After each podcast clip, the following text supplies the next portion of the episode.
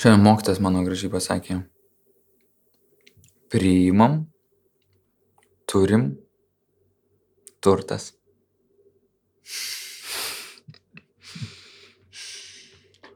Mm, taip. Viskas, ką priimi galiausiai turtu gali tapti. Mhm.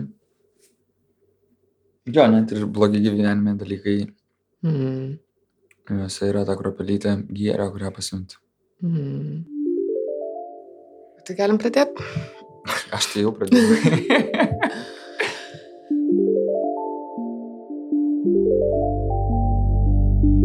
Labas visiems, ačiū, kad klausotės Nara tinklalaidės.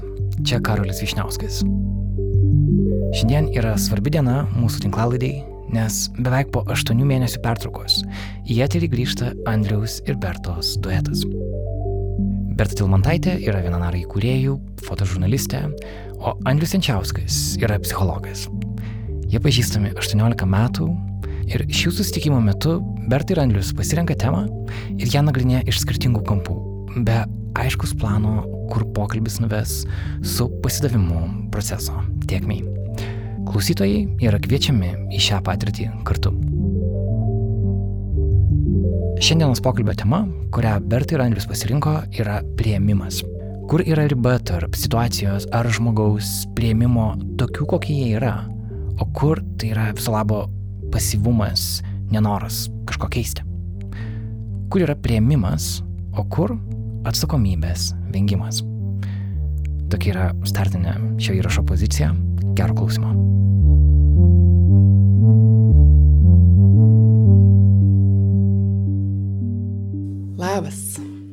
Labas.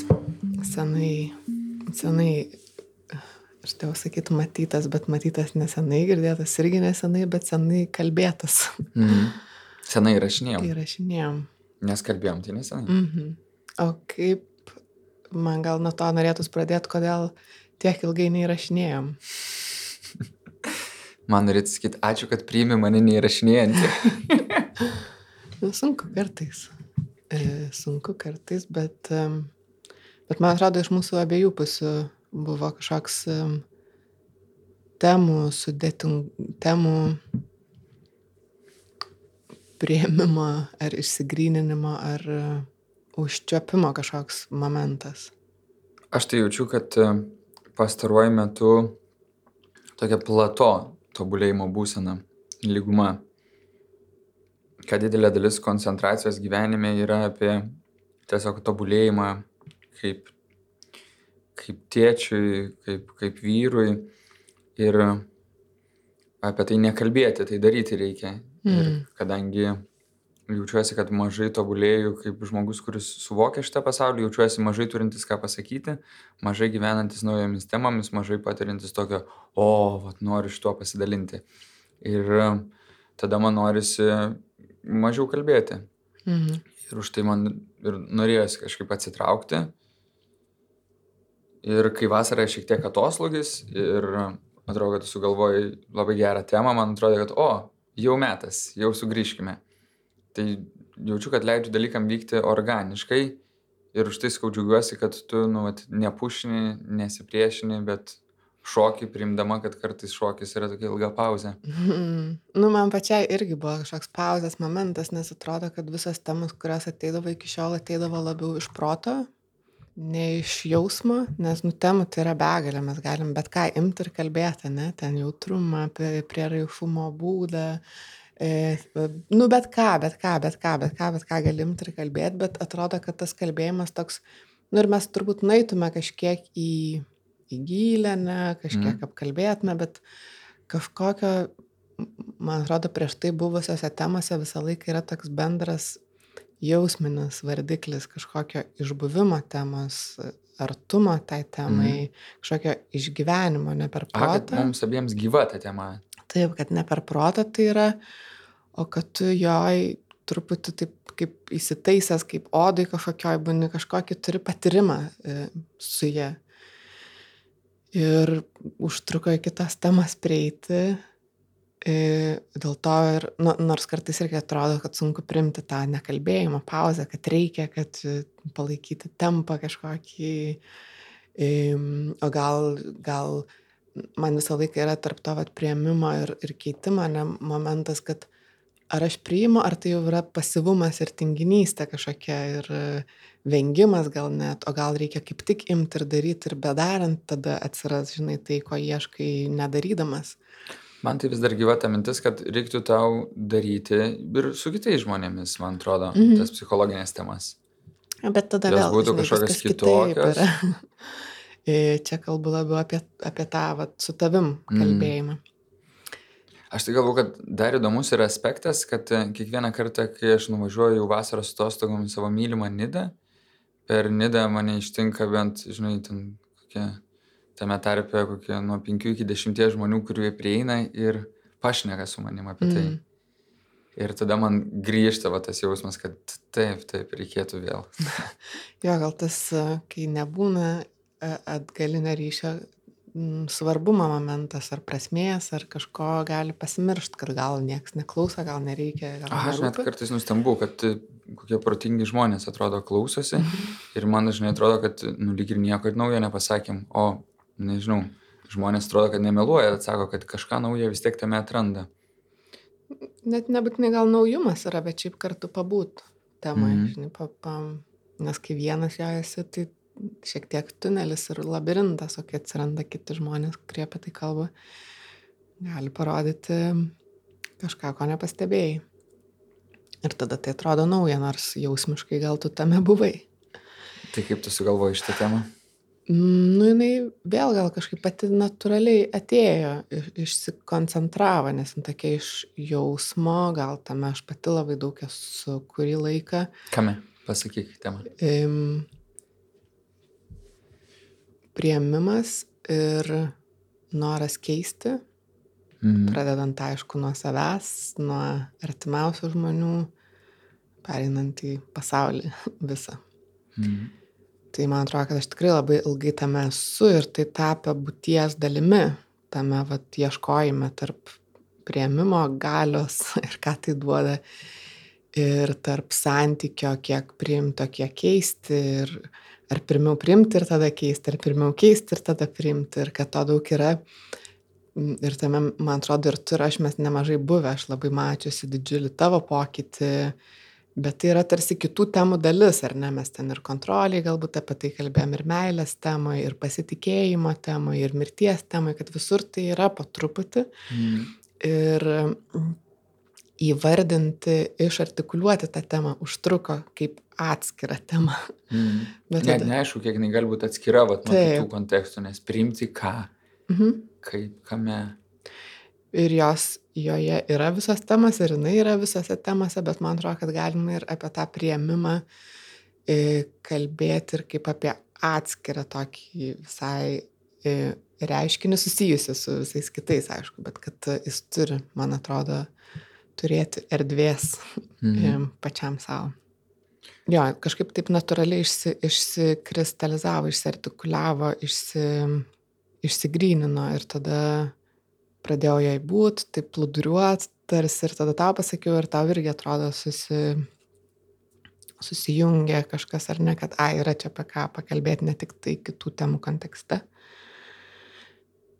Tai, Man atrodo, visų pirma, labai ambicinga tema, Mhm. kaip sakiau, kad a, Mhm. ir vėl, Vėl. fundamentalius dalykus. Ir paradoksali labai tema. Tas Mm. mm. prieimimas ir keitimas yra tarsi visiškai priešingi dalykai, bet iš esmės jie viens be kito nelabai ir egzistuoja. Gali egzistuoti. Turbūt. Nežinau. Nes aš galvoju, kad man tai šita tema remiasi į du dalykus mano gyvenime labai stipriai. Tai vienas pagrindinis lūžio taškas tai yra vipasana, kur atsiranda vat, vipasanas tos du sparnai kaip paukščio, tas awareness ir equanimity. Ir Lietuviškai tai būtų kas. Um, nėra lietuviškų žodžių. Nėra. Tai būtų awareness, tai yra vat, sąmoningas, budrus būvis arba stebėjimas, mhm. Atidumas man kažkodėl dar ateina. atidumas. Mhm. man irgi atrodo, kad šalia. Mhm. O equanimity būtų tas neteisimas, nespalvinimas,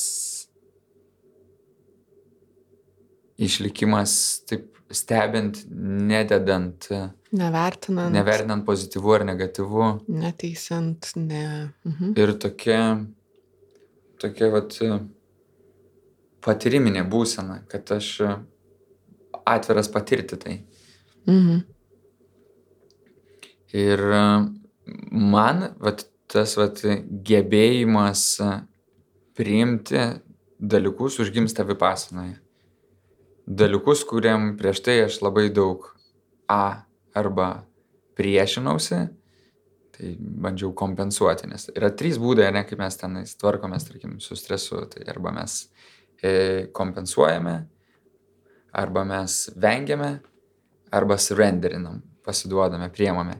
Ir va čia man labiausiai ir buvo va, tas toksai, kad surrender, pasiduoti. Bet tam, kad aš gebėčiau pasiduoti, man nu, tikrai reikėjo pasistengti atrasti galimybę nesipriešinti ir pastebėti, kad nesipriešinu.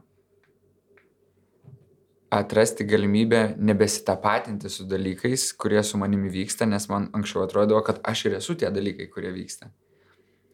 Ir man atrodo, kad tam, kad atsitapatinti, turi užgimti va tokia erdvė, toksai gilesnis aš, kuris stebi, o ne yra identifikavęsi su dalykais, kurie vyksta. Ir kol, kol ne, neįvyksta tas nedidelis atsiskyrimas, mini teritorija, tol vis tai man atrodo neįmanoma. Mhm. O antras dalykas be vipasanos, tai man būtų egzistencinė psichoterapija. Ir visas tas fenomenologinis laukas, kad stebėti šito pasaulio fenomenus, o ne iš anksto apibrėžti juos, kad, ai, žinau, tai čia taip ir taip ir taip. O toliau tyrinėti, ieškoti, pažinti, pajusti, kas čia per subtilumai, būtent pas tą žmogų, kaip pasidedasi dalykai. Mhm. Nepatikėti, kad jau pažįsti žmogų ir žmogaus e, tam tikrą psichinę sąrangą, psichologinę sąrangą, o toliau išlikti tuo tyriančiu ir pažįstančiuoju. Mhm. Šitoj temai man dar labai apskritai kažkaip jinai man gal su tavim siejasi labai iš tikrųjų. Dėl to, kad man atrodo, jog per tuos, kiek mes pažįstame, galbūt 18 metų, Nemažai. aš, e, tu gal esi vat, vienas iš daugiausiai pokyčio padariusių žmonių, e, daugiausiai keitimo, e, kuris vyksta per prieimimą, mm, per prieimimo procesą, nes negali pakeisti nepriemęs, ar ne? Tai dėl to man irgi e, atrodė, kad va, čia mūsų tema. Tai gal nuo to ir norėčiau pradėti nuo tavo asmeninio, nes tu sakei, vipasan ar nebuvo, tai čia gal irgi, kai mes kartu keliavom, ar ne, ten Menmaras 2, 2013 metai. Mm, bet atrodo, kad jau ir prieš tai buvai pradėjęs tą tokį suvokimą, ar ne, su savim, kad yra dalykai, kuriuos reikia keisti, kad tai esu aš, arba aš toks, ar kažkaip, bet labai daug tarsi įdėjai pastangos į tai, į savo kūrimą savęs. Mm. Ar gali tuo pasidalinti? Bet mano tai kelias labai paprastas iš to, kad e, man atrodo, kad kažkas nevyksta išoriai ir daug šansų, kad kažkas negerai viduje. Nu, tos idėjos man atrodo logiškos ir kad pats metas pradėti tyrinėti, kas vyksta viduje ir kad vienam tyrinėti man jaučiau, kad tam tikrų metų pasiekiau ribą, kad nebepavyksta ir kad man reikalinga pagalba. Ir atsimenu, kaip nuėjau pas savo pirmąjį terapeutą, kuris yra gestalto terapijos atstovas, nuostabus žmogus, Viktoras Keturakis. Ir, ir man atrodo, kad nu, tam tikrą prasme aš jį irgi galėčiau vadinti fenomenologu, kuris yra tyrinėtojas, kuris su savo šiluma, domėjimusi suteikė labiau, labai daug erdvės, kurioje aš kaip žmogus galėjau būti. Kaip tokia šilta, jauki teritorija, kuri tokia, kurioje galima, jinai nėra kaip vanduo, kurioje gali plaukti, jinai netgi be ore, kuriame jauties Mhm. besvoris. Kaip debesis minkšti, kuriuose įmanoma būti. Man atrodo, tokią teritoriją gyvenime gauti yra žiūri didelė dovana, kad tai gali būti visiškai mind-blowing experience, ne? Tarp kitko, jisai ir buvo pirmas žmogus, kuris man papasakojo apie tokį dalyką kaip vipasna. Aha. Bet e, man atrodo, kad čia vis tiek yra, tu sakai, ačiū labai paprastas kelias, bet man atrodo, kad nu, Paprastu eiti tą tuo, kad jisai kažkuo ane? mechaniškas, nes tarsi psichologas, kuris mokinasi, jisai ir turėtų visų pirma eiti savo psichologinio tyrinėjimo kelią. Jo, bet man atrodo, kad tas žingsnis, nors ir nedidelis, tas, kad kažkas neveikia išoriai, tai gal pas mane yra, gali būti labai sunku jį padėti, nes tai reiškia pripažinimą, kad kažkas viduje negerai yra. Ir kad tai gali būti kai kuriems žmonėms tikrai sunku tą padaryti. Taip ir aš manau, kad aš e, pirmosios terapijos ir antrosios terapijos labai daug laiko esu praleidęs tiesiog skūsdamasis, kaip išoriai problemos yra su dalykais. Bet net ir tas skundimasis apie išorę padeda suvokti dalykus apie save. Bet suprantu, kad va būtent to, to pasikeitimo ir pradėjimo matyti savo vidinį pasaulį, kas nuo manęs priklauso ir ką aš galiu keisti ir kaip galiu keistis. Šita dalis man atrodo labai svarbi. Iš kitos pusės, pats prieimimas, man atrodo, yra susijęs labai, kad e, dažnai aš galiu labiau išmokti priimti save ir mokinamas priimti kitus. Į abi pusės veikia tas eismas. Tikrai pažįstam žmonių, kurie labai kraštutinai gali labai priimti kitus, bet labai savęs nepriema. Ir tada kyla klausimų, kiek tikras tas prieimimas, o kiek čia nais labiau noras įtikti žmonėms, Mm. kiek čia nais yra nepažinimas tikrųjų savo vertybių. Mhm. Nes e, jeigu nesi labai atlaidus savo, tai kiek tu iš tikrųjų atlaidus kitiems, o kiek tu netokiam rezignacijai su kitais, kad, na, gal net nelabai rūpi. Šiaip augant atrodo ar ne, kad vaikui nekyla tokio klausimo, primti save ar neprimti. Kodėl aš apskritai... Kyla, man atrodo, nuolatos. Pažiūrėk, nuolatos tėvai, nu aš kaip Tai tėtis, aš- nepriemu savo tai vaiko va- elgesių. Jo, bet aš turėjau galvoje tą vaiką. Ir tada jis žinai, atbėga ir sako, tėti, tu pyksti ant manęs. Ne, nebepykstu. Dėti, tu myli mane. Taip, myliu. Tai jam atrodo nuolatos svarbu yra, kad jis vis tiek jaustųsi mylimas. Ne tada, kai aš nepriemu jo tam tikro elgesio. Mhm.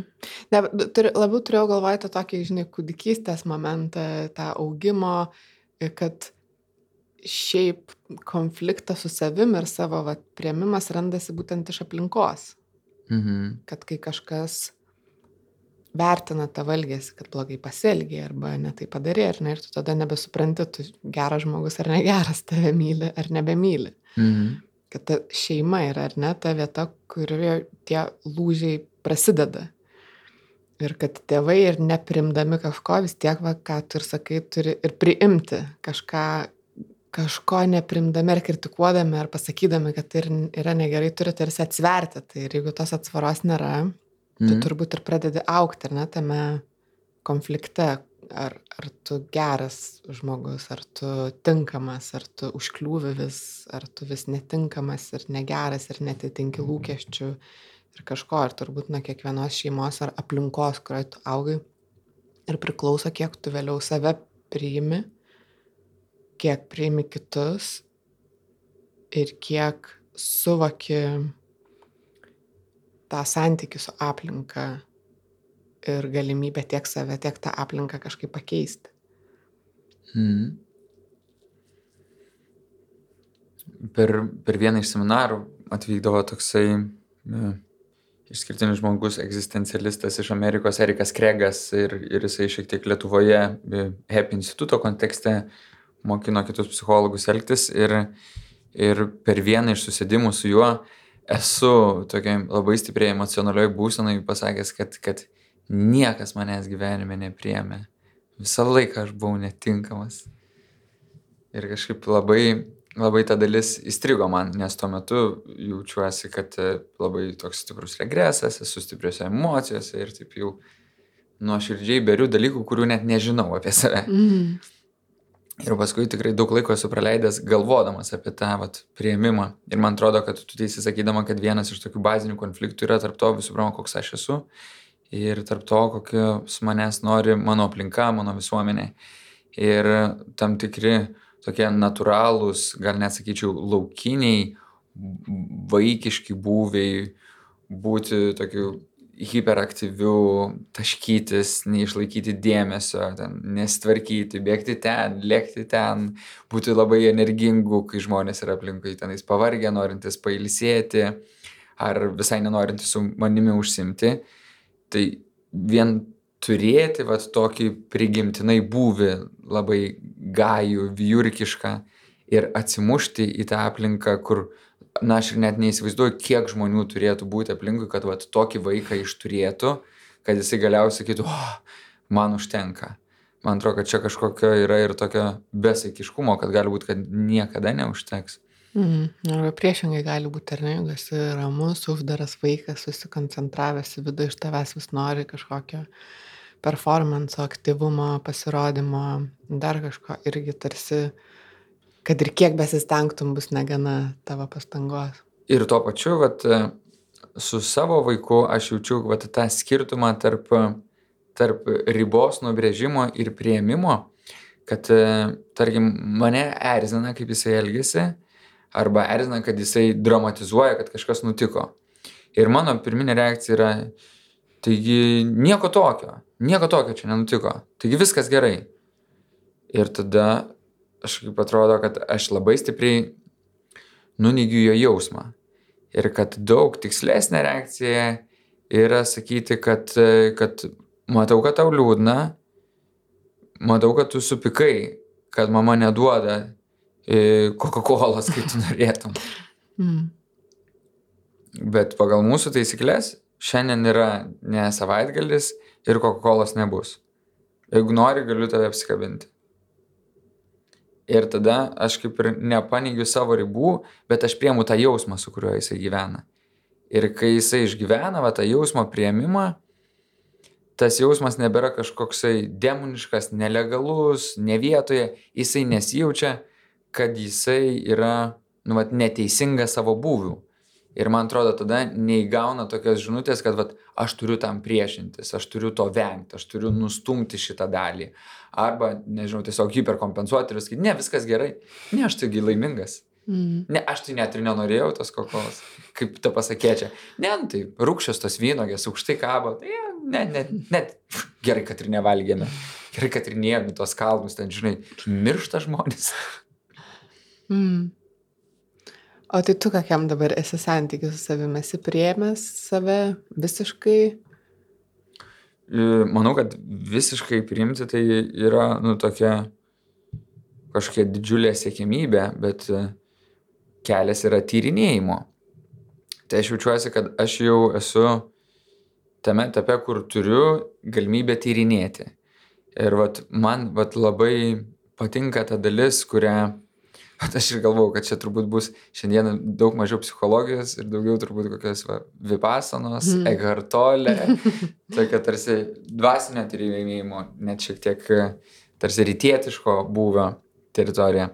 Bet vat, ką aš norėjau pasakyti, kad vat, ką egartolė, man atrodo, labai neblogai paaiškina, kad, kad, kad prieimime, kai mes, va, tarkim, mūsų kūne yra dirgiklis kažkoksai, va, tarkim, krūtinės teritorijoje, vat, sakom, jaučiu nerimą. Yra toksai sukilęs erzulys aplinkui saulės resginį ir jisai taip nemaloniai jaučiasi ir yra įpratimas tiesiog, kad e, negyvenčiau apie tai, nukreipti dėmesį į išorę, kad man neskaudėtų. Arba tiesiog išveikti. Iš to daug kalbėti, daug lakstyti, blaškytis. Ir jeigu aš atrandu vat, drąsos susitikti su tuo, Tai mano vat, kažkoks tai vaizdinys tai ir yra kaip, vat, kaip e, įdėti cukraus į kažkokį didžiulį šilto vandens podelį. Ir tada pasijaučia, kad yra ne tik dirgiklis, ne tik tas skausmas, bet yra erdvė, kurioje galima stebėti. Kad stebėjimas užgimsta nuo erdvės o erdvė užgimsta nuo to, kad aš tikrai turiu laisvą teritoriją nevertinant.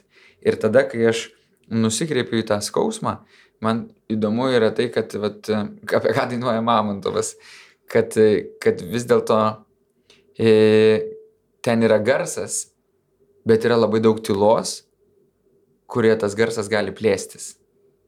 Yra skausmas, bet užgimsta erdvės teritorija, kurioje tas skausmas, ypač pradedant stebėti, jisai pradeda plėstis jis nebėra uždarytas į sloiką, į kurį mes jį bandėme užkimšti. Ir vat, tas mūsų dėmesys, mūsų prieimimas ir yra ta begalinė erdvė, kurioje jis išsiplečia. Ir man labai patinka, nu, ta mintis, kad, žinai, kad bloga savijauta ir prieimimas negali koegzistuoti. Bet aš tik noriu patikslinti, sakai, ten yra skausmas, jisai pradeda plėstis, tai ne ta prasme, kad jisai pradeda plėstis ir viską pradeda skaudėti, bet ta prasme, kad jis pasklinda ir tarsi jo nebelieka pradiniam etape jisai pasklinda ir, ir su dauguma klientų, kai mes mhm. vat, keliaujam per šitą kelią, dauguma sako pradžioje, kad o, padidėjo, mhm. dar stipriau jaučiasi, o po kiek laiko tik tais ateina tas toksai palengvėjimas, mhm. kad kai nusikreipiame į jį, tai ta banga užkyla ir paskui nusileidžia. Mhm. Dažniausiai, šiaip, aišku, būna skirtingai. Mhm. Arba, nežinau, jeigu gauni stiprią kojos traumą, tai stebėk tu nestebėjęs tos vietos. Stebėk, tu nestebėjęs, biologija daro savo. jo, bet aš esu bandžiusi, nežinau, ten su skausmais dideliais ar ne, e, kažkur skaičiau, čia labai senai dar, kad bandyti surasti to skausmo centrą, nu čia fizinio skausmo, ar ne, bandyti mm. surasti to fizinio skausmo centrą, iš kur jisai kyla, iš kur jisai eina, bet susitelk dėmesiu ir man tikrai būdavo, kad tikrai labai skauda, tas fizinis skausmas ir aš bandau tą centrą surasti ir staiga pajaučiu tokį pasklidimą, va, mhm. tokį atlaisvėjimą to skausmo. Tai lygiai taip pat, man atrodo, ir su tuo psichologiniu jausmu, psichiniu skausmu, kad jeigu tu,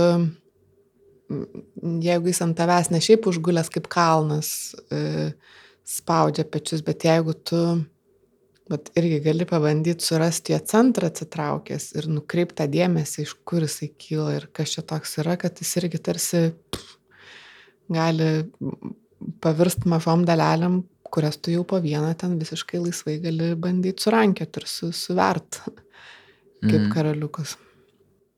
Aha, sielos skausmo, nu, at, nežinau, kaip, kaip koja gangrenuoja, negali koją nupjauti ir išmesti. Mhm. Bet kad kai kažkas vat, dušėje, nežinau, sieloje, nežinau, viduj kažkas tai skauda, mm. nu, šito neišpjausi. Iš šitą vis tiek tenka leistis gilyn, tyrinėti. Ir, nu, va, man gal ta centro metafora patinka su tuo, vat, nežinau, vandenyno metafora, kad, okei, okay, tai paviršiai yra bangos, va, kažkas tai skauda, bet leiskime gilyn ir atrasime nu, daug plačiau, daug daugiau detalių. Ir ramybės. Ir ramybės apačioje daugiau. Priklauso kokios rovės. Nu jo, bet vis tiek e, tas, e, žinai, kaip fridavinė ar kai nuneri į tą apačią, vis tiek ten yra ramiau. Jeigu ir yra tos rovės, jos tokios nušvelnė, žinai, netaško mm. tavęs kaip bangos. Netaško, nešioja, bet netaško. Taip, ir tu jau gali su jom mm. kažkaip ko egzistuoti, o su bangom, bangom kartais nori priešintis, mes taip išmokė. Mm. O tu dažnai naudojasi va tą stebinčiąją dalim? Jo, ir stebinčiąją, ir ta vizualizuojančia mano yra tas vat, vandenino dugnas mano saugi vieta. Mm. ar kažkokia uola tamse neatsitraukimo saugi vieta, iš kurios gali stebėti va, tas bangas viršui arba kas vyksta, kas vyksta virš aplink. Nes mhm. nustebėjimai tai svarbi, man atrodo, saugi vieta. Nu, nes tai, ką pamatai, žinai, gali gazdinti, gali būti sudėtinga ir reikia saugios vietos, kad nu, tą pamatęs galėtum išbūti. Tai jo, aš tą dažnai stebiu, aišku, kartais sunku, ten paima tos emocijos kažkokios jausmas ir nuneša ir jau ten stebėk, nestebėjęs. nu, e, neša, taško, laužo, daužo ir jau sunku ten kokios šakos pasigriebti, bet jeigu pavyksta atsitraukti ir stebėti, tai šono, tai truputį tikrai lengviau ir ramiau ir geriau. Hmm man tik kartais baisu yra, aš turiu kažkokią tą baimę, kad tas vat, prieimimas ar tas stebėjimas gali būti lygų pasivumui, pasidavimui kažkokiam apatijai, mhm. kad gali tai pervirst. Nu, tai va yra šitaip, ne? Va toks aš, arba toks pasaulis, arba toks žmogus, ar ne? Ir kartais sunku nu, aš turiu vat, kažkokią baimę to pasivumo ir apatijos ir atsakomybės neprisėmimo. Mhm. A, a, apsigavimo, kad, o aš čia priimu. Taip yra, kai iš tikrųjų reikėtų kažką nuveikti su tuo. Man atrodo, kad prieimimas nelygų rezignacija. Kad rezignacija, atsitraukimas yra e, atskiras dalykas. Dažnai kaip tik rezignacija yra neprieimimas, Mhm. priešinimasis, nematymas, atsitraukimas. Kad, e, kad prieimimas daug labiau virsta pamokom, o tikrosios mūsų pamokos virsta veiksmais. Nu, vat, čia jau tie rusiški Alekseičiko žodžiai, kad deistvė, distvitlinest. Vat, veiksmas ir tikrovė turi labai panašią šaknį pas juos. Nes, vat ir šiandieną viena pacientė kalbėjo apie tai, kad jai didžiulis e, pokytis yra tai, kad jinai, jinai daug metų jau yra sistemoje, bet jinai pagaliau išdryso visas praeities epikrizės paprašyti turėti. Ir išdryso kodėl? Todėl, kad daktaras Alekseičikas pasakė, kad, žinok, tu turi teisę tam. Ką reiškia turėt? Tai reiškia, kad e, e, šiaip gydytojai tarsi pildo dokumentus ir dokumentai visą laiką lieka pas juos. Bet pacientas turi teisę tuos dokumentus gauti savo ir pamatyti, ką gydytojai apie juos rašo. Mhm. Aišku, kartais gydytojai gali rašyti, kad, nežinau, ten e, artimiausius dešimt metų nenoriu, kad šitas pacientas tai skaitytų, todėl kad jisai dar nepasiruošęs to perskaityti apie save. Na ir šiaip atsiranda toks klausimas, kad, kad kiek gali atvirai rašyti, jeigu žinai, kad yra rizika, kad pacientas tai skaitys, nes, tarkim, dažnai tai yra aprašinėjimas iš kažkokios patologinės pusės. Labai dažnai tame tekste gali būti mažai palaikymo, mažai orientacijos į resursus ir daugiau orientacijos į tai, kuo žmogus serga ir kokie sunkumai su juo vyksta. Bet pacientė kalbėjo apie tai, kad jinai sako, kad aš jau keletą metų neturėjau e, psichotinės patirties, jaučiu, kad vis labiau susirenku save ir pasiruošiau priimti tai, kas buvo praeitie, skaityti tas epikrizės ir išgyventi vėl to žmogaus skausmą, nes dabar aš jau galiu jį įsisavinti ir aš jos klausiu, o kam tau tai reikia, juk daug žmonių kalba apie tai, kad nustumkim, pamirškim, čia jau praeitis, gyvenk čia ir dabar, va dabar tau geriau. Ir jis sako, ne, sako, aš esu absoliučiai tikra, kad man to reikia, nes be to, sako, nėra manęs. Va čia ir yra vat, mano šaknys, mano kelias, mano tasa. Ir kaip dažnai mes susidurime su pacientais, kurie neintegruoja tų negatyvių patirčių, neintegruoja traumų ir bando vietoj to jas, nežinau, užgerti ar ten kitų kelių dopamininių tiesiog nematyti. Neigia dalį savęs ir tada asmenybiškai tampa siauresni ir asmenybiškai ir mąstymo prasme siauresni. Nes koks turi būti sulaužtas dėmesys, kad tu nematytum labai reikšmingų savo patirčių. Nu, manau, kad tas, jo, nematymas jisai kartais yra tas sąmoningas pasirinkimas, nes tu žinai, kad jau kai pamatysi, Nu, yra du Niekada nebebus neigimas kaip ir išstumimas ir jie yra Mhm. skirtingi. Mhm. Bet tas žinojimas, kad tu pamatysi, ką pamatysi, reiškia, kad nu, nuo, to, nuo tos minutės niekas nebebus taip, kaip buvo. Mm. Kad pamačius. Atmatyti. Atmatyti nebegalėsi. Nu, galėsi vėl dar daugiau užgerti, dar daugiau kažką padaryti, ten dar labiau bėgti galėsi, bet nu, reikės dar daugiau neigimo, bėgimo, stumimo, ne?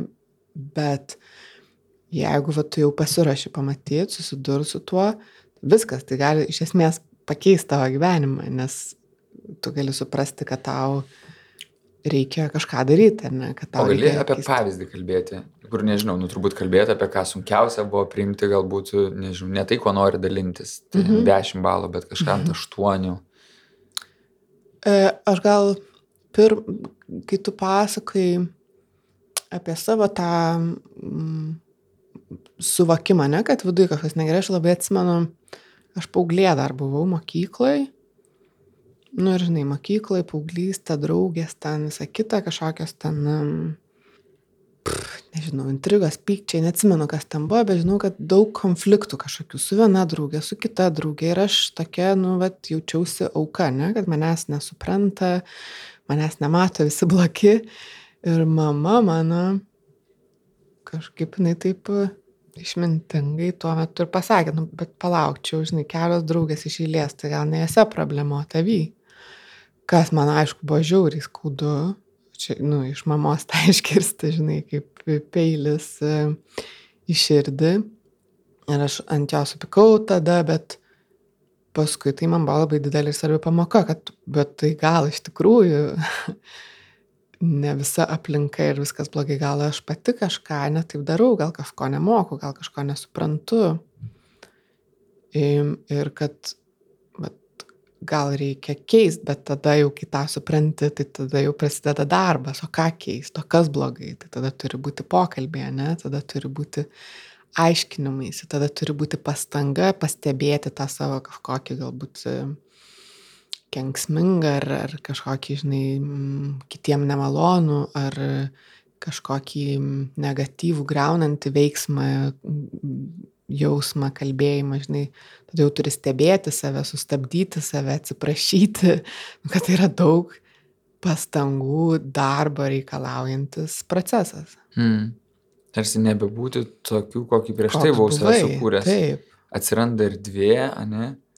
ir pripažinti, kad galbūt tai, ką tu maniai, kad ten tavo gal stiprioji savybė, ten kažkokia, ne, kad gal nieko čia gero joje nėra. Nu, per, tu iš viso turi per, persvarstyti ir permastyti savo pasaulį, savo vertybės, savo... Man gal kažkuria prasme norėtų sakyti, kad, kad kartais net netaip stipriai pasikeičia vertybės, kaip pasikeičia naratyvai, nes mes būname mhm. įstrigę savo naratyvose ir kartais sau meluojame, kad aš čia atstovauju tas vertybės ir tada pasižiūrim, kad, nu palauk, ar aš čia tikrai jas atstovauju, ar mhm. tik tai sau meluoju, kiek tame yra atstovavimo, nes jeigu tai yra mano vertybės, o ne mūsų vertybės, tai kaip aš su savo vertybėm gali būti, kad taip skaudinu kitus, o kur yra ta mūsų teritorija. Bet man labai patiko, ką tu pasakei, ką labai dažnai šiaip šiandien labai gerai tai girdėjau.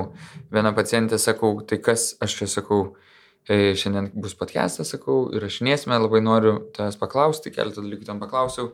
Ir jis sako, man svarbiausias dalykas per gydymą buvo, kad aš priemiau, kad man yra blogai. Mhm. Ir kaip dažnai žmonės nepriema, kad jiems yra blogai. Nu, nes tai reiškia, kad tu feilinai kažkur. Mhm. Kad tu nesugebėjai. Bet man va tame yra daug atspalvių. Iš dalies tai okei, sutinku kalties atspalvis, ne? Nes čia toksai, žinai, yra ir nu, iš mokyklos atėjęs, nu, tai tu gavai deš, ne dešimt, o keturis už savo gyvenimo susikūrimą, žinai. Bet taip, kažkuria prasme noras būti tuo pirmūnišku, kuris šiaip viską gerai daro. Tai kaip čia gali būti, kad aš blogai nugyvenau, užgyvenau kažką. Bet man turbūt, žinok, vat, ryškiausias yra atjautos nebuvimo atspalvis. Nes atjauta man vėl yra tokia, vėl, va, va ta teritorija, su kuria aš pasižiūriu į save ir aš klausiu, ei, ar tau skauda? Ir tada, žinai, jau va, iš to klausimo, kai jame yra erdvės, nebeįmanoma pabėgti, jau tas skausmas toje erdvėje, kai jis yra mažesnis už tą erdvę, bet vis tiek erdvė turi savo ribas, jisai blaškosi joje bet jis jau kažkaip nebepabėga. Toksai, žinai, kaip, kaip, gyvūnėlis apšviestas, jau jis blaškosi, bet, bet ten yra. Ir tada toks sakymas, jo, man yra blogai. Man iš tikrųjų yra blogai. Ir tada ateina, man atrodo, tas antras klausimas, kur, kur apie ne tik va prieimimą to blogumo, bet ir tokį prieimimą, kad ir jeigu aš nieko nedarysiu, tas blogai neskeis. Tai man atrodo tokį prieimimą atsakomybės už šitą gyvenimą, kad, kad jo, šiaip tai tikrai gal ir mano tėvai buvo blogi, ir nežinau, mano mokytai buvo blogi, ir labai sudėtingoj klasiai buvo iš manęs tyčiojasi, ir toliau man labai nesisekė, nes nei ten kažkur labai mokslus baigiau, ir ten kažkokią darbą radau, nei partnerį kažkokį radau, nu vad niekur nesisekė. Nu taip, gali būti, kad iš tikrųjų vat, ta lemtis, kurią gyveni, yra sudėtinga lemtis. Nu, taip tikrai, tikrai gali būti. Tikrai esu sutikęs žmonių, kurių lygų sąrašas atrodo toks baisus, kad atrodo niekas nėra to vertas. Bet net ir tada lieka klausimas, ką gali, ką gali padaryti va šitoje situacijoje tu. Kur yra ta tavo atsakomybė? Ar tikrai net ir šiandien, šią akimirką, čia nais, čia ir dabar, tu bejėgis ir nieko negali padaryti. Nes dažnai toks žmogus turi tą naratyvą, kad aš nieko negaliu padaryti. Mhm, tarsi įkaitas kažkokių aplinkybių, mm. kuriuose turi iškalėti tau skirtą laiką. Ir dažnai į priekį paėda žmonės, kurie tikrai pradeda daryti tokia situacija nuo mažų dalykų. Kurie sako, jo, galiu. Va, prisiminiau. Dabar, kai buvome su Pauliumi kalnuose ir kai pirmą dieną stipriai save perspaudėme, todėl kad pradžiai pradžiai darėme rizikingus ten pasivaikščiojimus per viršūnes, tada pasiskambinome, nes iš anksto neplanavome, kur nakvosim, nes galvojom, reikia patikrinti tą kalnyną ir pažiūrėti, kur yra įdomu. Tai ketvirtą valandą, jau kai visi žmonės baiginėja savo trekus, skambinam ir sakom, gal turite laisvą vietą per nakvot. Tai Austrai reaguoja, aišku, kad kas čia per paskutinės minutės žmonės, garantuotai su jais net nereikia prasidėti. Bet gavom tokį pasiūlymą, kad už, sako, jeigu per dvi valandas spėsite, gausite pavalgyti. Žiūrim žemėlapį 3,5 valandas. O mes jau daug jėgų išnaudoję, tai bet ką tu pabaigoje darai, tada tu bėgi, nes valgyt nori. Ir tikrai, kai mes atbėgome tenais, aš atsisėdau ir aš buvau visiškas lavonas. Man tikrai atkeliavo tokia depresyvi būsena, kad aš ten bandžiau kišti maistą, tas maistas į vidų nėjo tada man lauke buvo labai šalta, mane purtė šaltis, nuėjome į vidų, atsisėdome, Paulius turėjo daug daugiau jėgų, tai jisai tenais ėjo, aš nekėjosi, išnuomavo kambarį, pasiemė savo žetoną už 4 eurus 3 minutės dušo. o aš tiesiog sėdėjau prie stalo ir žiūrėjau vieną tašką. Ir man atrodė tuo metu, kad aš nieko ir negaliu. Nu, buvo toks tikrai stiprus bėgiškumo jausmas užėjęs bet paskui Paulius nusileido, jis aišku pasakė, o kaip daug geriau padušą jaučiuosi. Ir aš pagalvojau, man reikia susikaupti ir judėti. Padaryti mažą dalyką. Nors nueiti ir nusipraus po dušu. Nu, bet kartais taip saldu tame blogume pasilikti ir to kančioj ir pasikamuoti ir pagailėti savęs, koks tu vargšas, kaip tau blogai ir kaip saldu. Visas pasaulis prieš tave. O kas tame saldaus? Nu, kažkoks yra, matyt, nuodo. Koks? Nu, kaip žinai, nežinau, nu, kažkoks, kažką tu tuo irgi pamaitini. Aš... Patikslink. Ką? nu, sunku įvardinti, bet. Pavadinkim ir primkim tą demoną iš šito pokalbį. Nežinau, ar tai tamsos, bet kažkoks to maitinimas, ar tai kažkoks savidestrukcijos forma, ar tai um, neįgymo ir nihilizmo ir beprasmybės, beprasmybės turbūt labai daug tame yra tos, vat, tame taške tu renkies tarp prasmės ir beprasmybės. Mm. Ir mm, tą beprasmybės jausmą pamaitant ir susinaikint su juo ir sunaikint viską visai yra toksai gal galios tame yra tame, žinai, gravime naikinime jausmo. Mm. Nes tas, nu, nueik padaryk kažką į dušą, toks truputį kaip tarnavimas tau, žinai. Nu, toks iš tos nuolankumo, gerumo kažkokios būsenos. O vat sunaikint viską, sugriauti ir kad viskas yra beprasmiška, tam yra kažkokios galios, jėgos momentas. Mm. Nors iš tikrųjų tai bejėgystė šiaip. Bet turbūt iš to ir grėbiesi to, vat. Aukos gale bejėgystėje, ne? Nu. Čia yra kažkoks toks um, giliai, gilaus nusivylimų prieimimas ir pasakymas mm. tam giliam nusivylimui, kad jo, tu teisus, viskas yra beprasmiška. Greukim toliau. Sabotuokim toliau. Visos pastangos nieko neduos. Tai kam iš viso tai kentėti? Geriau tiesiog sunaikinkime viską ir dar pasilinksminkime naikindami. Mm. Nežinau, man gal tame per tai gali atsirasti, kad jeigu turiu galę naikinti, gal turiu galę ir statyti, žinai. Mm. Gal tai, nu nes tas sunaikinimas, nu tai kas toliau savižudybė. Mm. Ten toli nenais. Šiaip. Ir jeigu tai visgi nėra pasirinkimas, nu tai turi jau suktis į priešingą pusę. Ir tą gali transformuoti į statymą ir kūrimą kažkokį ir visgi radimą prasmės. Ir... Mm. Ir vat dažnai iškylantis klausimas, ne, apie tai, kad, vat, o ar legalu kalbėti apie tai, kad e, priimti savižudybę. Mm.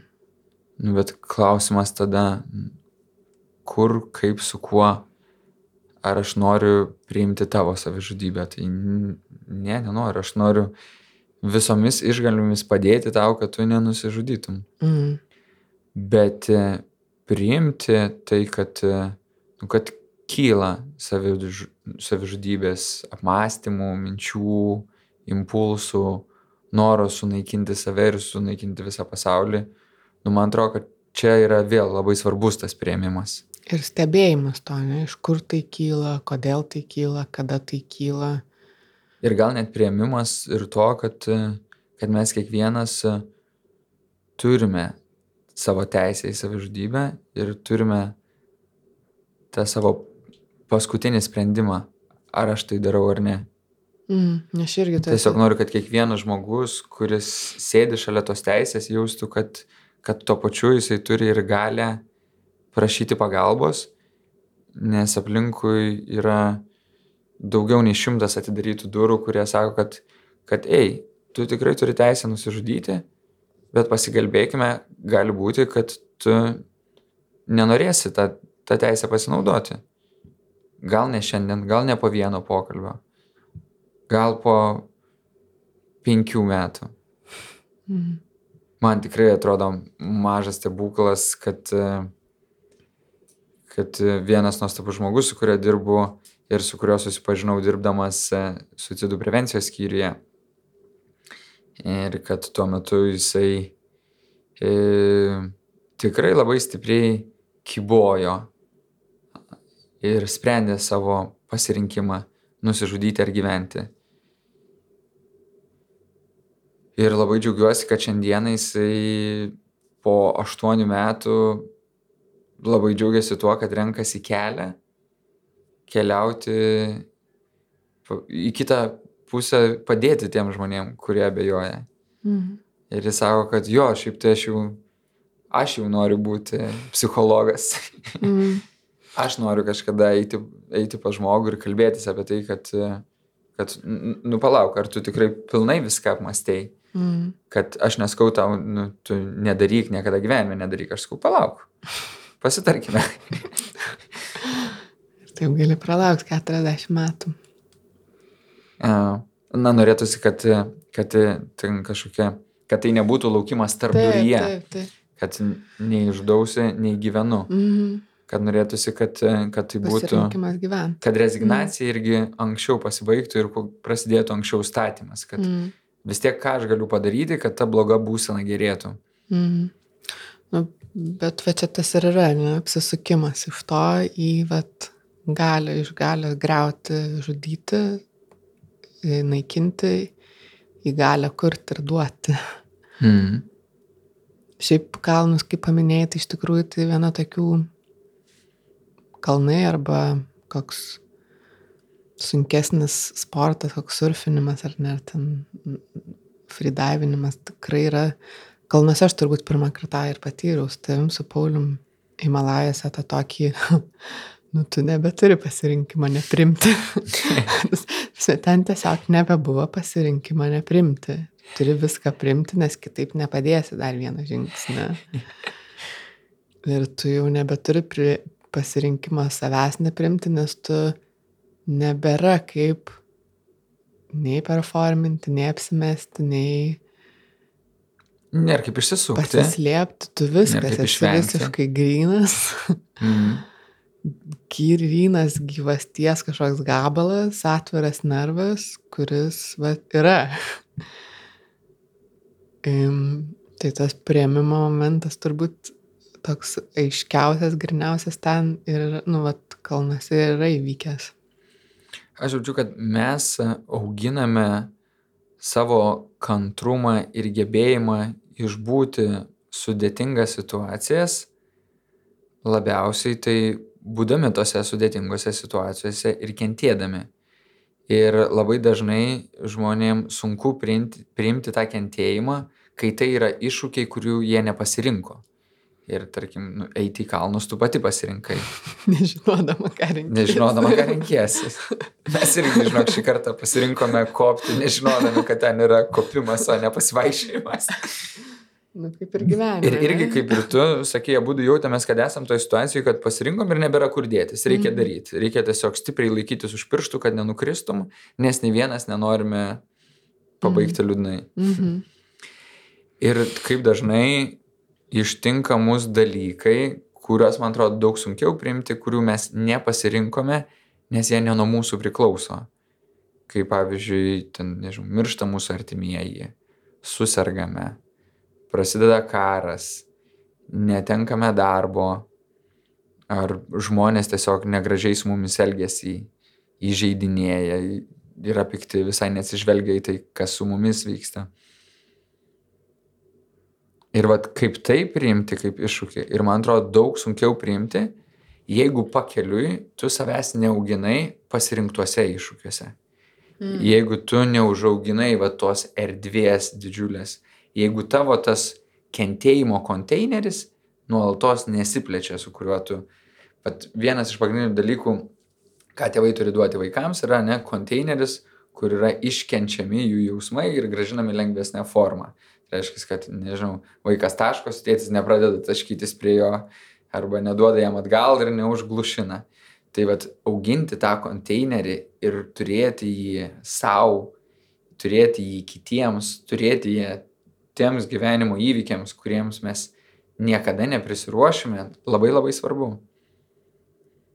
Man pastaruoju metu tikrai reikėjo priimti save, kad aš jau ilgą laiką destruktyviai gyvenu savo laisvalaikį. kad kai pasižiūriu į laikrodį ir, žinai, žiūriu, kad darbo savaitėmis e, stresas yra turbūt kokie 25 vidurkis, o, o savaitgalį 45, tas keletą dienų. Suprantu, kad e, tai jau yra užsitęsęs būdas, kaip aš tvarkausi su dalykais, kurių nepriemu ir aišku tada pradedu ieškoti, kas tie dalykai, kurie nepriemu, kas tie gyvenimo lūžiai, kurių neembreisinu, kurių vis dar, kuriem sakau savo, kad, a, aš čia per silpnas, aš čia pavargau, reiks atgalį pabaliavos. Reikia atsipalaiduoti, žinai, normaliai atsipalaiduoti. Reikia vėl duoti tą ADHD dalį pasitačkyti visas pusės. Kiek aš galiu būti susiturėjęs psichologas? Ir tai padeda ir tada apsunkina dar labiau. Iš tikrųjų, tai šitam gyvenimo etape ir taip, ir taip. Nes ar tai yra prieimimas, kad aš vat, esu visgi ir nesusiturėjęs psichologas. Mm. ar tai yra neigimas kažko, Man tiesiog labiau patinka tą gyvastį dėti į kitus dalykus. Kad e, iš dalies taip e, įkeliavęs į šeimos gyvenimą ir atitrūkęs nuo tokio intensyvesnio socialinio gyvenimo ir tokio intensyvaus pasilinksminimo, kuriame gali nutikti neplanuoti, netikėti, netikėti nuotykiai. Ypatingai, nežinau, po trijų ryto ir, ir su fainai žmonėmis. Tai aišku, yra tas ilgesys, bet, e, bet šiai dienai aš jaučiu, kad, e, kad su ta gyvastim, ta gyvasti, ta energija, jau aš labiau ilgiuosi dėti į tokį mokslo tyrinėjimą, šito jaučiuosi labai pasilgęs. Ta meditacinį tyrinėjimą, šito jaučiuosi labai pasilgęs. mm. Į sportą dėti. Bet Mhm. šito nesu daug pasilgęs, bet jaučiu, kad esu pasiruošęs tarsi Perėjimui. šiek tiek dar į dar stipresnį etapą pereiti. Mm. Čia man primena tas vat noras visą net tobulėti, aukti kažkaip ir nepramintuoja taku, kurią tu minėjai vienam mūsų pokalbių, paskui ją sus- susiradau, skaičiau. Ir ten jis įrašo, kad tikrasis meilės tikslas yra tas nuolatinis dvasinis tobulėjimas arba žmogaus evoliucija. Mhm. Tiek savo, tiek kito to žmogaus, nu, kad apskritai, vat, mei, meilė tai yra. Ir um, tikrai viešoje erdvėje labai daug šiuo metu, man atrodo, yra toks didžiulis pliūpsnis to um, galimybių mokytis, keistis, tobulėti, dvasio, nu, ko tik nori, paskaitų, knygų, stovyklų ir viso kito, plus visas ir tas kitas prieimimo, radical acceptance, radikalaus prieimimo, prieimimo meilė savo, nu, nu, nuolatinis rautas tas toks, nuo prieimimo visiško iki radikalių gyvenimo pokyčių turi visą paletę. Bet aš kartais jaučiu, kad pavargsti ir priiminėti ir keisti nuolat, kad kartais norisi tokios visiškai, nu, ką tu sakai, ta pla, plačiau būsena, gal kartais visai net maloni yra, kartais gali būti Mhm. tokia kelinti kažkokį nerimą, nepasitenkinimą, ne, kad aš va čia neužkopiu toliau, va čia tik einu ir einu ir einu. Bet kartais labai nori su to tiesiog pabūt, Nu, ne, nekeist nieko, nieko nepriminėti per stipriai, nieko, tiesiog pabūt tame va toj erdvėje, ką tu minėjai, net tarptų debesų, Mhm. be oriai kažkokio ir paplūduriuoti. Ir kartais atrodo, kad iš aplinkos labai daug spaudimo mm, yra ir nebelieka tam laiko ir galimybių. Mhm. Bet kad lik atrodo labai svarbu turėti tą, kad niekas iš tavęs nieko nereikalautų, pats iš savęs nereikalautum, iš kitų nieko nereikalautum Mm. ir kad visi galėtų bent truputį ramiai paplūduriuoti. Mhm. Tiesiog pastebėdami, ne, kaip viskas yra. Ir va čia man ateina tas, e, ką kalbėjom, bevažiuojant iš tą susitikimą, tas e, optimistinis nihilizmas, apie kurį kurs gezakt kalba. Gali daugiau papasakot, nes aš negirdėjau šito. Šiaip iki tol, kol tu nepasakėjai jo. Aš, bet keliais aspektais galvojau, jų yra labai populiarus tas e, kalendorius, kad jeigu gyvensi šimtą metų, tai gyvenimas ten turi 5000, neatsimenu tiksliai, gal 120 savaičių. Jeigu nugyvenai 25 metus, jau žiūrėk, reikia nubraukyti. Jeigu viskai, žinai, tavo giminiai standartiškai žmonės apie 70 vyrai gyveno, žiūrėk, iš galo, kiek reikia išbraukyti. Tai kiek čia tau tų savaitėlių yra belikę? Ir tame yra tokio spaudimo. Bet kaip skirtingai tas spaudimas yra, jeigu, žinai, tos savaitės jau yra nebe kažkieno kito, o mano. Ir aš renkuosi, kaip dalyvauti tame mūsų. Aš jau turiu kontrolinį paketą, kuriame aš sprendžiu, kiek tai yra vat, mūsų laikas ir kiek aš jį noriu paversti kažkokį bendrą produktą, nes vat, užsikabinau ant to, kad prasminga tada, kai aš jau kitiem padedu. Mm, prasme irgi, vat, jau esam kelis kart kalbėję, toks šiek tiek įtartinas yra grįžtamasis ryšys, kuris Mhm. kažkuo irgi siejasi su ta dopamininė sistema. Tai man atrodo, kad patyrimas, kai užkopiu ant kalno, pabūti ant kalno. Va ir vakar skaičiau alpinisto interviu, kaip jisai užlipo į aštuoniukę, tas pirmas lietuvis, nežinau, ar skaitai vakar. Damliaučias? Mhm. Ir sako, ir aš valandą laiko pabuvau ant viršūnės ir aš galvoju, Prabanga. wow, Mm. valandą laiko 8 km mirties zonoje. Aš suprantu, kad jis laukia ir kitų, kad užliptų, kad tada jau kartu leistusi, bet vis tiek wow. Nu, bet ir prabanga tam tikra, tai reiškia, žinai, kad tra, tas rautas nedidelių žmonių nereikia užleisti nusifotografavus ir Mm. tu turi, jeigu gerai jautiesi, erdvės, vietos ir laiko pabūti ne tik. Taip, bet Ne savo gyvenimo viršukalnėse, Mhm. tai dažnai mes esame nestumdymosi teritorijai, Mhm. kur galim pabūti ir palaukti. Mhm. Puikiai atsimenu vieną iš meditacijų, kurioje tai buvo to giluminio kvepavimo meditacija, kuomet atrodo, kopiu kopiu į vieną viršukalnę ir truputėlį pabūnu ir staiga uf, keliaukim toliau, keliaukim toliau, keliaukim toliau. Ir jaučiau, kaip į vieną užkopiau, jaučiau, kad šiandien viskas. Šiandien toliau ne, nekeliausiu. Hmm. Kad šiandien, šiandien jau, jau nudirbau, jau esu čia nais. Ir jaučiau, kad atėjo tokia stipri euforinė būsena, kuri tęsiasi apie 10 minučių. Tas buvimas tenais. Labai stiprus ir įdomus patyrimas. Tiesa, paskui organizmas susirgo, nes atrodo kažkokius giluminius klodus išnaudojo. Tai aš turiu ir tokią idėją, kad, kad perdėm užsibūti ant savo viršukalnių irgi yra pavojinga. Ir čia pat man ateina patyrimas, kaip mes sulipome, atsimeni, po laisvos dienos į vieną iš Everesto perėjų virš 5 km. Mhm. Man tą dieną aš jaučiausi pilnas jėgų, nes turėjau pertrauką ir aš ten išvariau vienas. Mhm. Ir irgi labai greit sulipau. Ir tenais praleidau pusantros valandos, kol galiausiai jūs atkeliavote. Ir mes nuėjome į kitą miestelį valgyti. Ir tą dieną mano, mano organizmas labai stipriai sustreikavo. Mhm. Tai vat ir nežinau. Nežinau apie ką šitą pamoką. Gal, žinai, to tempo, kad nebūtina visą laiką ant maks. Kad nebūtina, jei gerai jauties, tai dabar ir performinti, žinai, gal gerai jaučiantis galima ir gerai jaustis ir neperforminant. Ir tai nereiškia, kad turi greičiausių tempų, greičiausiai stipriausiai ir daugiausiai padaryti, kad gali pasirinkti. O man labai patinka ta vat, Sauliaus mintis apie tai, kad, e, nemaišau vardu, ar ne? Taip. Mhm. Apie tai, kad e, užlipi viršų ir šiaip tai geriau, jeigu į rimtą kalną lipi, geriau nepradėti džiaugtis viršui.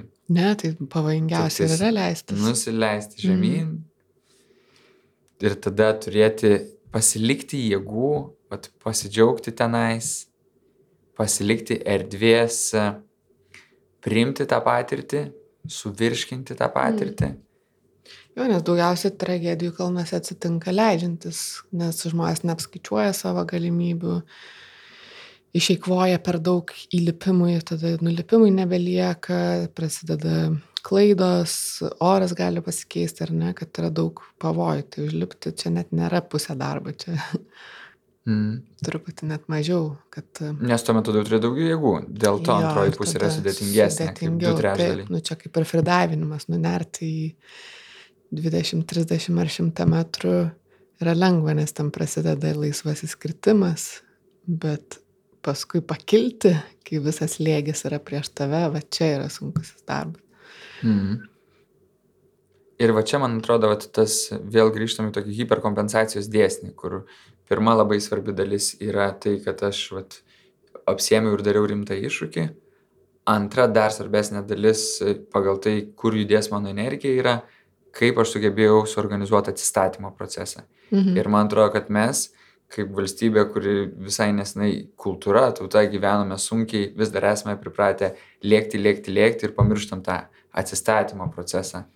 Mhm. Ir kažkuria prasme tai yra tokia saviapgavystė, kad aš esu begalė. Mhm. Begalė laiko, begalė energijos ir nepajuntu savo ribotumo. O tas optimistinis nihilizmas, jisai ir labai stipriai kalba apie tai, kad šiaip tai nihilistinė teritorija čia nais yra. Kad e, kuo daugiau tyrinėjame šitą, šitą visatą, suprantame, kad gali būti, kad, žinai, visatos laikos yra begalinis, o tas laikas, kurioje egzistuoja žmonija, toksai trumputis gabaliukas, kuris net nežinom, gali būti, kad ir netyčia ištiko ir kažkada tai pasibaigs. Koks trumputis yra žmogaus gyvenimas, galvojant apie tai, kad, vat, nežinau, nu, tarkim, kas, ten 200-250 tūkstančių homo sapiens jau yra teritorija.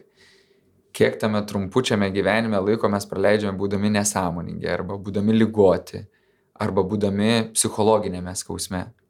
Kiek laiko praleidžiame neprimdami tos realybės, kurioje esame. Ir kaip galiausiai priimti visą šitą sudėtingą žaidimų visumą, visą šitą sudėtingą mirtiną gyvenimą, išlaikant tą optimistinę gaidą, kad vis tiek ieškant, ką šiandien noriu sukurti. Nes vis laik yra pasirinkimas, apie kurį tu kalbėjai tiesiog. Viską sunaikinti, nes sunaikinti save reiškia sunaikinti visą pasaulį.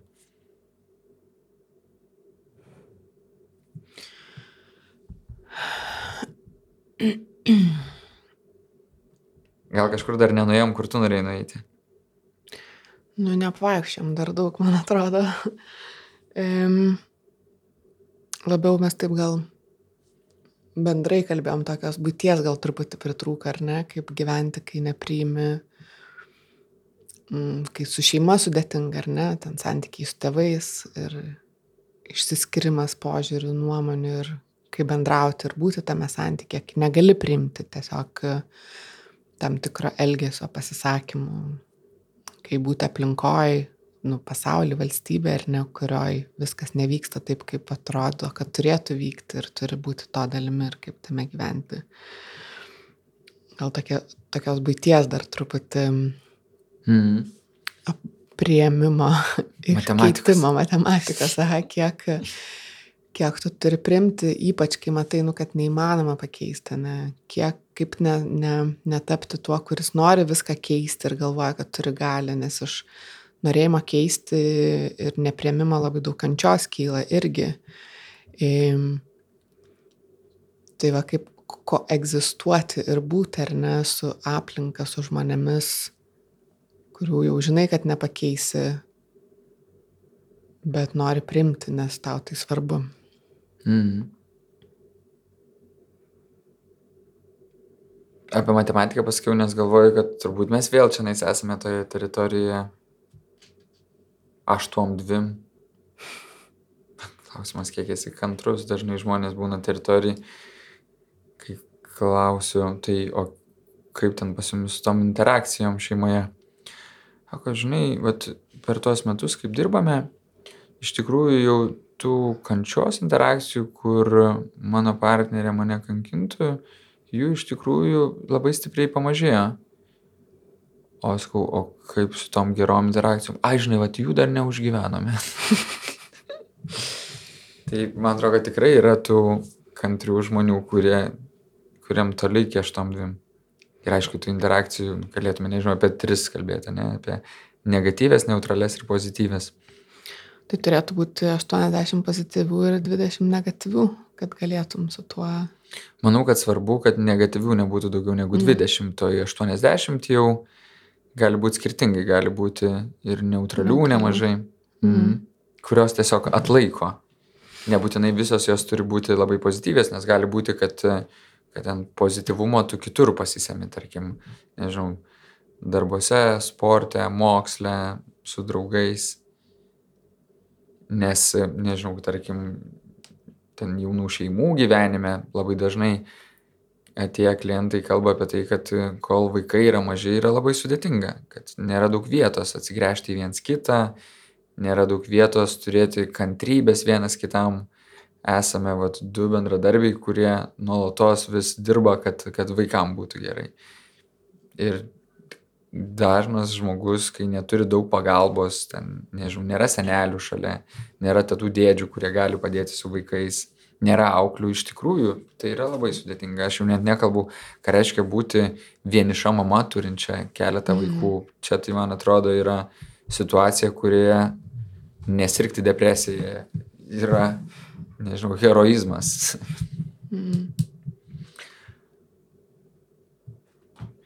Bet, e, bet aš vis tiek tikiu, kad, e, kad dauguma žmonių, būdami sudėtingose santykiuose, turi galimybę atsigręžti į viens kitą, į save, pradėti kalbėtis, kad, žinai, aš vis labiau pastebiu, kad aš iš tikrųjų negražiai elgiuosi. Ir čia nais negražiai elgiuosi, ir čia nais negražiai elgiuosi. Labai dažnai norėčiau tave apkaltinti dėl to, nes jaučiuosi įsiskaudinęs per tiek laiko. Tikrai prisimenu praeities nuoskaudas, bet nelabai noriu jas eiti. Noriu gal labiau eiti tuo keliu, kad aš vat noriu pastebėti apie save skausmingus dalykus Ir noriu pakviesti, kad ir tu pradėtum pastebėti, ką negražiai elgiesi. Ir kad mes kars nuo karto susėstume ir aptartume. Aš pasakysiu, ką aš negražiai pastebėjau, ką padariau, tu pasakysi. Ir mes pro truputį tarsimės, ar turim galimybių pajudėti nuo tų negražių elgesių, ar vis dėlto jau taip stipriai apaugęs džiunglėmis tas mūsų miestelis, kad jau reikia mums keltis ir gyventi kažkur kitur. Ir šį penktadienį aš skrisiu pas tokį žmogų Niką, kuris būdamas 18 buvo kontrabanda išvežtas iš Irano. Dabar jam yra 50 keli metai ir aš norėčiau, kad jis gyventų, žinai, šiuo metu Irane, jokiais būdais. Jokiais būdais. Nu, vat, jisai man atspindi tai, koksai galėtų būti Iranas, jeigu jame nevyktų tokie dalykai, kaip dabar vyksta. Mm. Tai aišku, tas radikalus prieimimas yra, kad tai vyksta, reiškia, kažkodėl tai turi vykti ir ne man tai spręsti. Bet ar tai turi vykti Niko gyvenime? Man atrodo, ne. Niko gyvenime turi vykti rasa ir jų nuostabus vaikas, kuris, žinai, tuoj metu sulauks. Ir jam yra labai skausminga neturėti tėvynės, jaustis, nežinau, nei švedų, nei iraniečių, nei vokiečių. Skausminga, kad jo šeima irgi išsiblaškiusi, skausminga, kai grįžta tenais, kad yra svetimas, nereikalingas ir dar patiria atstumimo. Tai man atrodo, kad e, jo tėvai priėmė sunkų sprendimą, kurio kainas jis, kaina ir jisai moka likščioliai, ir kad sunkus pasirinkimai turi kainas. Ir daug lengviau jas priimti, kai priemame esamą situaciją ir numanome, kas turėtų keistis ir kiek tai kainuos, kad būtų geriau. Tik problema, kaip Kirkė, kuria sako, kad e, mūsų tas numanimas dažnai remiasi į praeitį, o gyventi reikia kuriant ateitį. ir už tai, man atrodo, tą savo numanimą vis reikia plėsti, tyrinėjant ne tik tai savo lauką, bet vat, tyrinėjant, kaip kitiems žmonėms sekasi. Ne, neprimetant ir laukiant, kol patvirtins mano atsakymą, bet vat, priimant, kad, žinai, va, tas kitas žmogus gyvena kitą gyvenimą, kitokį gyvenimą. Ir jo tiesos gali kartu koegzistuoti su mano tiesom, nors jos yra prieštaringos. Nes gal dar nei vienas mes neprikeliavom iki tokių dar gilesnių tiesų. Mhm. Ir man atrodo, kad vat, aš prasideda nuo to, kai prasideda kitas. Kitoks. Nuo tada, kai prasideda tu. Ir jeigu aš sugebu priimti tu, labai daug šansų, kad aš jau esu pasiruošęs priimti aš. Ieškoti ir skirtumų, pastebėti panašumus ir tyrinėti save platesniam laukia. Ir taip, iš tikrųjų, žinai, ten kalbėjau apie lūžio taškus, bet manau, kad e, pati parengtis tai yra tas e, ilgos valandos praleistos skaitant knygas, tyrinėjant vidinius detaliai aprašytus žmonių pasaulius, vidinį pasaulį, lyginantis savo pasaulį su jais ir suvokiant, kad tie gyvėjai žmonės aplinkui jie man dažnai rodo tik viršelį. Bet jeigu aš paklausinėsiu, patirinėsiu, kiek daug aš dar sužinosiu apie jų istorijas. Ir galiausiai sugrįžimas skaityti gyvasias knygas žmonės. Ačiū tau. Tu man tikrai esi viena įdomiausių knygų. ir aš tikrai labai džiaugiuosi ir vertinu mūsų santyki galvojau, ar mes primtume viens kitą, jeigu dabar susipažintume.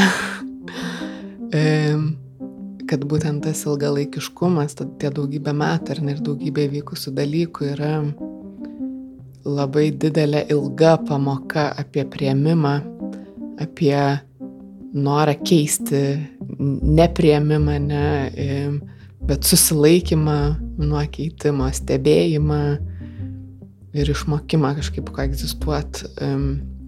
Net ir turint skirtingas tiesas skirtingas realybės. Tai ačiū tau už tai ir už šiandien. Mm. Ačiū tau, kad tu padėjai man priimti atspalvius, kuriuos man buvo sudėtinga apie save priimti.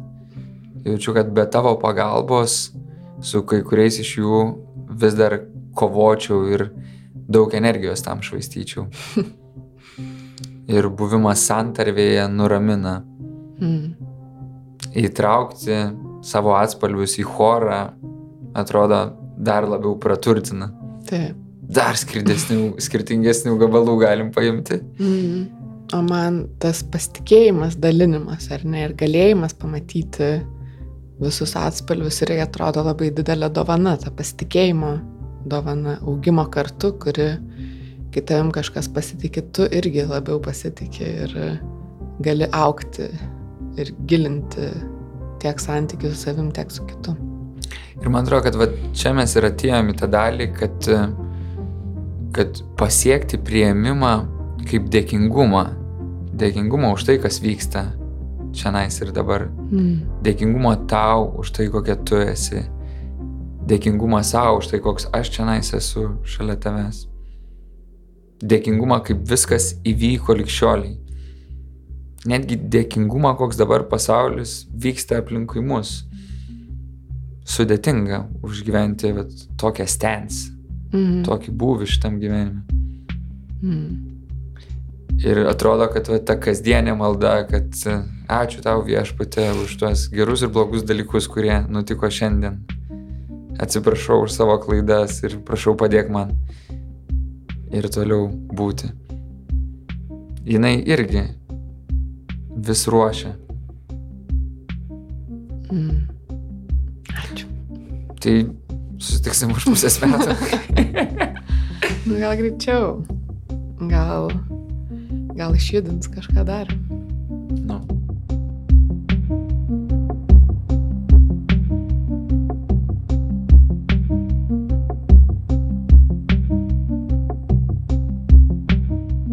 Toks mūsų epizodas šiandien.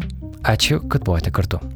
Jūs girdėjote Nara tinklalaidės įrašą, žurnalistė Berta Tilmantaitė ir psichologas Andrius Jančiauskas kalbėjosi apie prieimimą. Pasidalinkite įrašus su tais, kuriems jis gali būti įdomus. Mums tokios rekomendacijos iš lūpų į lūpas yra pačios vertingiausios. Taip pat ačiū naujausiams mūsų Contribui bendruomenės nariams - Vytautui, Vilijai ir Gretai Kraujelytei. Bertos ir Andrius epizodai yra finansuojami būtent jūsų prisidėjimu. Adresas prisijungti prie mūsų rėmėjų yra contribui.com/nara. Dar kartą contribui.com/nara. Šio epizodo montažo režisierius yra Adomas Zubė. Epizode girdima muzika yra sukurta kompozitoriaus Martino Gailiaus. O savo balsą aš įrašinėjau nacionalinės Martino Mažvido bibliotekos studijoje. Garso režisierė čia yra Kata Bitoft. Mums rūpi išgirsti, kaip jums klausosi Nara epizodai, ko norėtumėte daugiau, ko norėtumėte mažiau. Siūskite savo mintis adresu nara.nara.lt arba prašykite mums socialiniuose tinkluose. Mums tai yra svarbu išgirsti, mums tai padeda aukti. Mano vardas yra Karolis Višniauskas, aš esu Nara tinklalaidės redaktorius ir sakau jums iki kito karto.